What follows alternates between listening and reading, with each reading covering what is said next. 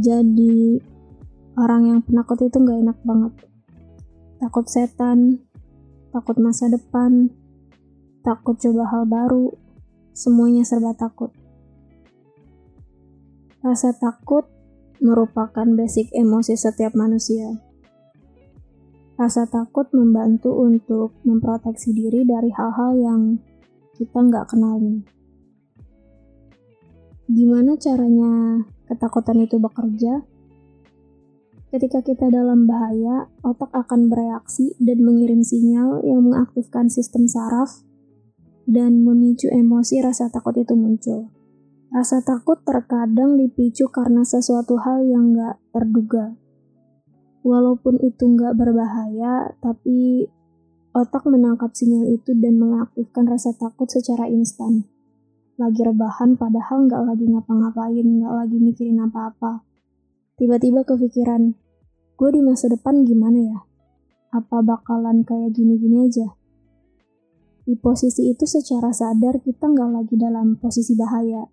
Tapi karena ada pemicu yang entah dari mana, tiba-tiba rasa takut itu muncul. Sama halnya kayak takut setan.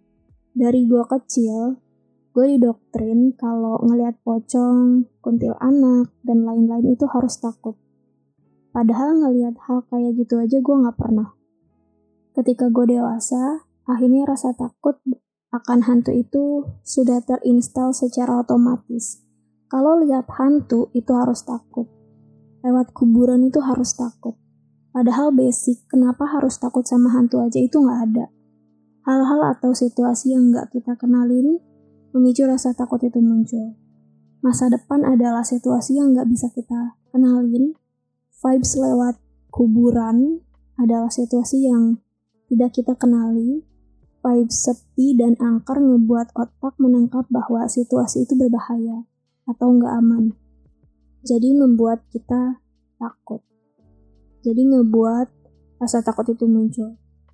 Menjadi penakut pun kalau terlalu akan membuat diri jadi sangat terbelenggu. Mau coba olahraga ke gym tapi takut kalau pergi sendiri Mau coba hal baru tapi takut gagal, takut nggak bisa. Mau nggak takut setan tapi suka dengerinnya cerita horor mulu. Rasa takut emang nggak sesederhana itu. Tapi kalau nggak diatasi, akan terus membelenggu dan ngebuat diri ini nggak bebas dalam menjalani hidup. Salah satu challenge yang masih gue jalani sampai hari ini adalah gimana caranya biar nggak takut lagi sama hantu dan bisa berpergian sendiri ke mana pun yang gue mau tanpa rasa takut menghampiri.